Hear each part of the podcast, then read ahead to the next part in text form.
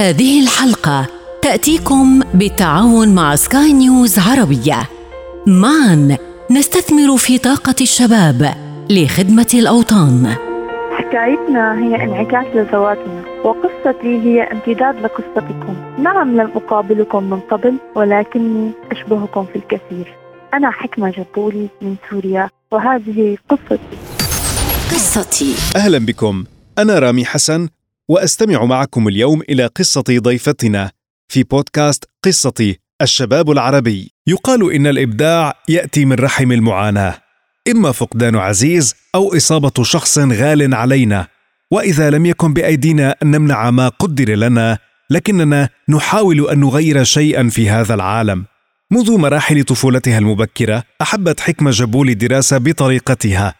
فقد هيأت لها أسرتها الظروف الملائمة من أجل أن تبدع. هلا بشكل عام آه، وقت كنت آه، صف التاسع فماما دخلتني فرع اسمه صيانة أجهزة طبية. وقت أنا كنت في الإعدادي قبل ما أفوت لمرحلة الجامعة فأنا كنت آه، يعني مدموجة مع الأجهزة الطبية تمام والأفكار الطبية بعمر الإعدادي. بعدين آه، طلعت الأولى على المدرسة وفتت اختصاص هندسة طبية تمام بدون مفاضلة. صرت أحب اختصاص الهندسة الطبية أكثر. هلأ أنا من النوع اللي ما بدرس كثير لأنه أنا كنت بحب الرياضة وما كثير بحب أقعد يعني أدرس نظري بحب العمل. فأنا وقت خلصت التاسع كان بيطلع لي فرع عامة. ما فوتتني فرع الصناعة لأنه هو فيه عملي فيه دوام أكبر. فأنا وقت فتت اختصاص صيانة الأجهزة الطبية وهذا فرع صناعة. فأنا درست شوي وبس أبدعت بالعملي بالعملي محسوب علاماته فمشان هيك يعني أبدعت بهذا الموضوع لأنه أنا إنسانة كثير عملية ودرست نظري يعني بشكل قليل والحمد لله يعني حصلت على مركز أول على مستوى القطر شو كان هدفي بس على مستوى المدرسة مش أكثر. قصتي. يكتشف الإنسان في بعض الحالات ميزة وهبها الله إياها وهذا ما حدث مع حكمة. المميز في أنها اكتشفت موهبتها في سن مبكرة. رحلة الاختراع بلشت معي بعمر 15 سنة. هي بقصة يعني طريفة صارت معي. آه، كنت أنا وأخي عم نحضر فيديو على الموبايل. واصلين سماعة الموبايل. فكل حدا أخذ طرف من السماعة. فكنا عم نتخانق إنه مين بده ياخذ يعني السماعة كاملة بشكل كامل. وما عندنا غير موبايل واحد. فأنا صرت أفكر إنه نحن ليه ما بنعمل آه يعني أربع سماعات بجكة واحدة. فبلشت إنه فكيت السماعة وبلشت زلطت الشرايط ووصلت يعني عندنا كان سماعة منزوعة وصلتهم. فعن صار عندي أربع سماعات وبجكه واحدة جربتها بالموبايل قام استغلت فهون قعدت أنا وأخي نتفرج على فيديو واحد بأربع سماعات بدون ما نتخانق ابدا. قصتي. في أحيان كثيرة تولد المعاناة جروحا لا تندمل نحاول أن نتعامل معها.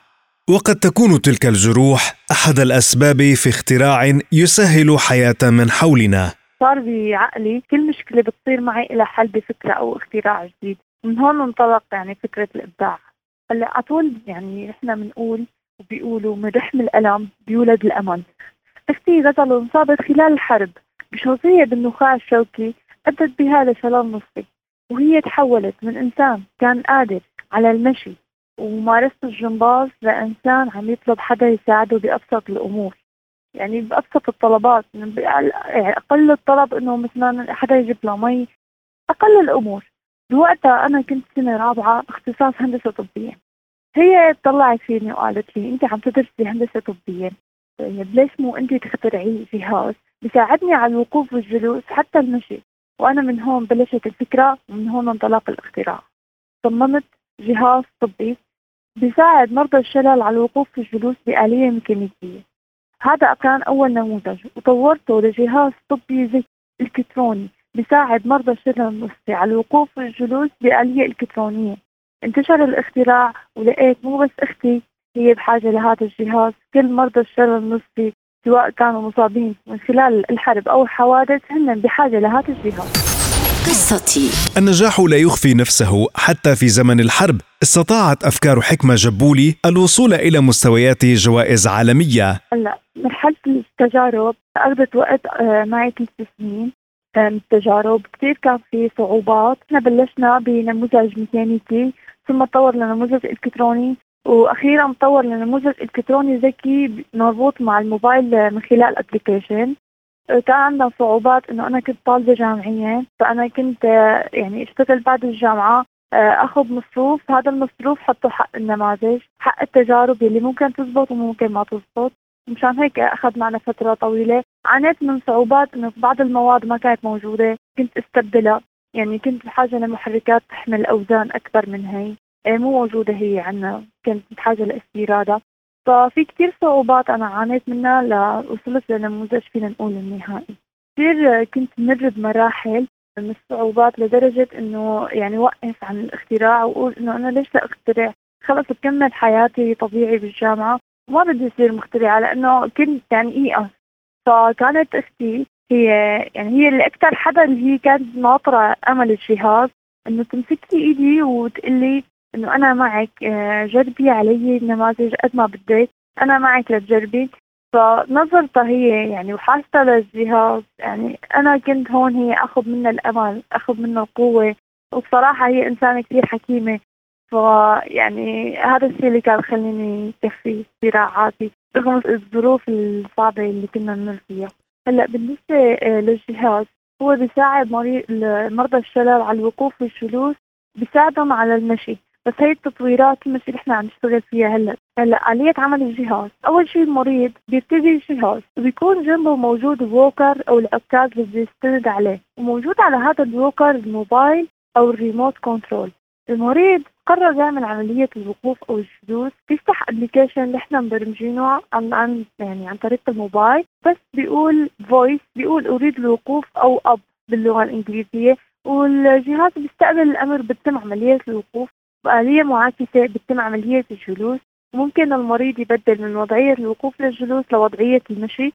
ونحن لهلأ لساتنا عم نشتغل على التصويرات. بدنا نوصل لمرحلة إنه نساعد المرضى إنه يمشي بسرعات مختلفة. يعني ممكن يمشي بسرعة ويمكن يمشي ببطء. بدنا نساعد المرضى إنه عم نطور الجهاز بحيث يخلي المريض يطلع على الدرج فهي أكثر التطويرات هلا الموجودة قصتي. عامل مهم آخر يقاس به النجاح وهو الاستمرارية. فلا أحد يتوقف عن الطموح وتطوير الذات. هذا ما تؤمن به حكمة وترى فيه مستقبلها. هلا أكيد آه، نحن يعني العلم ما بيوقف واكيد نحن حابين نستهدف أكبر فئة ممكنة. يعني مو بس مرضى الشلل النصفي ممكن مرضى الشلل الرباعي اللي هن ما بيقدروا يحركوا أي جزء من آه، جسمهم. فاحنا بلشنا يعني مثل ما بيقولوا بنبلش بنموذج بدائي وكل ما النموذج عم يتطور كل ما عم عم يضم ميزات أكثر فاكيد نحن ما حنوقف عند هذا النموذج. قصتي. النجاح لا يخفي نفسه. استطاعت أفكار حكمة جبولي الوصول إلى مستويات الجوائز العالمية. أنا بعد ما عملت النموذج الإلكتروني شاركت بمعرض الباسل للمبدعون والمخترعون. نزل الفيديو الاختراع على ال social media. وانتشر الاختراع وبلشوا المرضى يتواصلوا معي إنه هن بحاجة لهذا الجهاز. وهن في كثير منهم آه، صار لهم 15 سنة بلا حركة يعني وأملهم بهذا الجهاز. ومن ثم إنه شفت أهمية هذا الجهاز وحصلت يعني قدمت على براءة اختراع لأنه آه، وجدت إنه الجهاز مو موجود بس يعني مو موجود بسوريا. فهو يعني مو بس مجرد هي فكرة هو مجرد اختراع. فأنا آه، رحت سجلت الاختراع وحصلت على براءة اختراع على مستوى سوريا. بعدين تأهل الاختراع حصل على ميدالية ذهبية من المنظمة العالمية للكل فكرية بسويسرا آه بعدين كان في مسابقة على مستوى العالم أنا قدمت عليها من خلال فيديو. هي المسابقة بتقول إذا أنت عندك اختراع أو ابتكار ممكن تسجل هذا الاختراع وأنت تكون عامله وتعمله بفيديو وترسله للمنظمة. آه كان في 64 دولة متأهلة ترشح منهم 20 دولة والوحيدة الدولة اللي من سوريا هو هذا الاختراع. والحمد لله حصلت على المركز الأول على مستوى العالم بالمقابل أخذت المراكز البقيانة هي الصين وغانا. يعني فينا نقول إن الاختراع الحمد لله سبق الصين وسبق غانا وهذا الشيء يعني كثير فخر لإلي.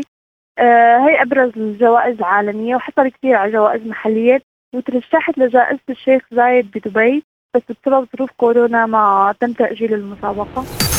قصتي. الجوائز لم تكن فقط قيمة معنوية إنما ساعدت حكمة جبولي في تطوير ابتكارها. جوائز أكيد ساعدتني لأنه في جوائز من ضمن المسابقات كانت هي معدات رقمية فأنا حصلت على معدات رقمية لأقدر أطور الجهاز أكثر. فأكيد الجوائز هي أكيد بتساعد لأنه يعني هي بتعطيك دافع لتكمل آه، أول شيء الشيء اللي أنت عم تمشي فيه هو الاختراع. ثاني شيء تعطيك دعم مادي أو دعم تقني لتكمل يعني في تسهيلات بهيك امور قصتي. في أعماق كل إنسان مبدع رسالة يعمل بها في حياته ويتمناها لأناس آخرين. هلا بالنسبة للاختراعات آه، إنه حلمي إنه هذا الاختراع يلي أنا عم بعمله يستفيد منه كل مريض ما يضل مجرد فكرة مجرد اختراع. تحول لمنتج يستخدمه كل مريض. وهذا الشيء بيصير ممكن عن طريق حدا بيستثمر هذا المشروع. تطوير والاختراع ما بوقف عند نقطة معينة. أكيد في منتجات جديدة. حلمي أحصل على الإقامة الذهبية بدبي. حلمي إنه صراحة إنه أختي غزل استفادت من هذا الجهاز بحيث إنه حافظ لها على عضلاتها حجم عضلاتها بس غزل هي بحاجة لعملية خارج سوريا. آه، لتقدر تحقق حلمها وترجع تمشي وتمارس عملية الجمباز. كمان حلمي أشوف أختي عم تمشي بدون جهاز يعني هذا أكبر أحلامي. لأن الشظايا موجودين بالنخاع ما تم إزالتهم. فالنخاع الشوكي هو هلا لهلأ مضغوط بالشظايا فلازم هي تحصل على عملية تحرير نخاع شوكي ل يعني ليفك ليتحرر النخاع ويتحرر. فممكن يعني ترجع تمشي من خلال هي العملية بس الأجهزة مو موجودة عندنا نحن بسوريا هي الأجهزة الدقيقة اللي بتعمل هي العملية. عشان هيك أنا بتمنى إنه هي تحصل على عملية خارج البلد. وترجع تحقق حلمها ترجع تلعب بالجمباز. وأكيد هلأ أنا ما بقول لك الجهاز ساعدها لك تحافظ على عضلاتها يعني كل مريض ما نستخدم هذا الجهاز بصير معه ضمور بعضلات عضلاته بتصغر. أما تكون مستخدم الجهاز عم يحرك عضلاته هو بيساعد على المرونة بيمنع التكلس. بيساعد إنه يبقى العضلات حجمه مثل ما هي. هلأ رسالتي للشباب إنه النجاح مو سهل ما بيجي بلحظة أو رفة عين. النجاح هو تعب ومجهود بذلته لوحدك ونجحت. كل حدا أو كل مرحلة الشباب كل حدا عنده فكرة وهو بيآمن إنه هي الفكرة ممكن تحل مشكلة تمام؟ يآمن بفكرته ويحولها لمشروع. وإذا لقى الفكرة هي كثير مبتكرة يقدم فيها ليحصل على براءة اختراع تحول فكرته لمنتج ممكن يستفيد منه الفئة المستهدفة اللي هو عم يستهدفها خلال اختراعه. أكيد ما لازم يوقف يعني أنا بتمنى من كل الشباب اللي عندهم أفكار آه، يستثمروا هاي الأفكار ويآمنوا فيها لتتحول لمنتجات ويصبحوا مبدعين ومخترعين قادرين يحلوا المشاكل. قصتي. للمزيد تابعوا حلقات قصتي بودكاست الشباب العربي على كافة منصات البودكاست. كان معنا في الإخراج غسان أبو مريم وفي التقديم رامي حسن. وكانت معكم حكمة جبولي من سوريا وهذه كانت قصة. قصتي.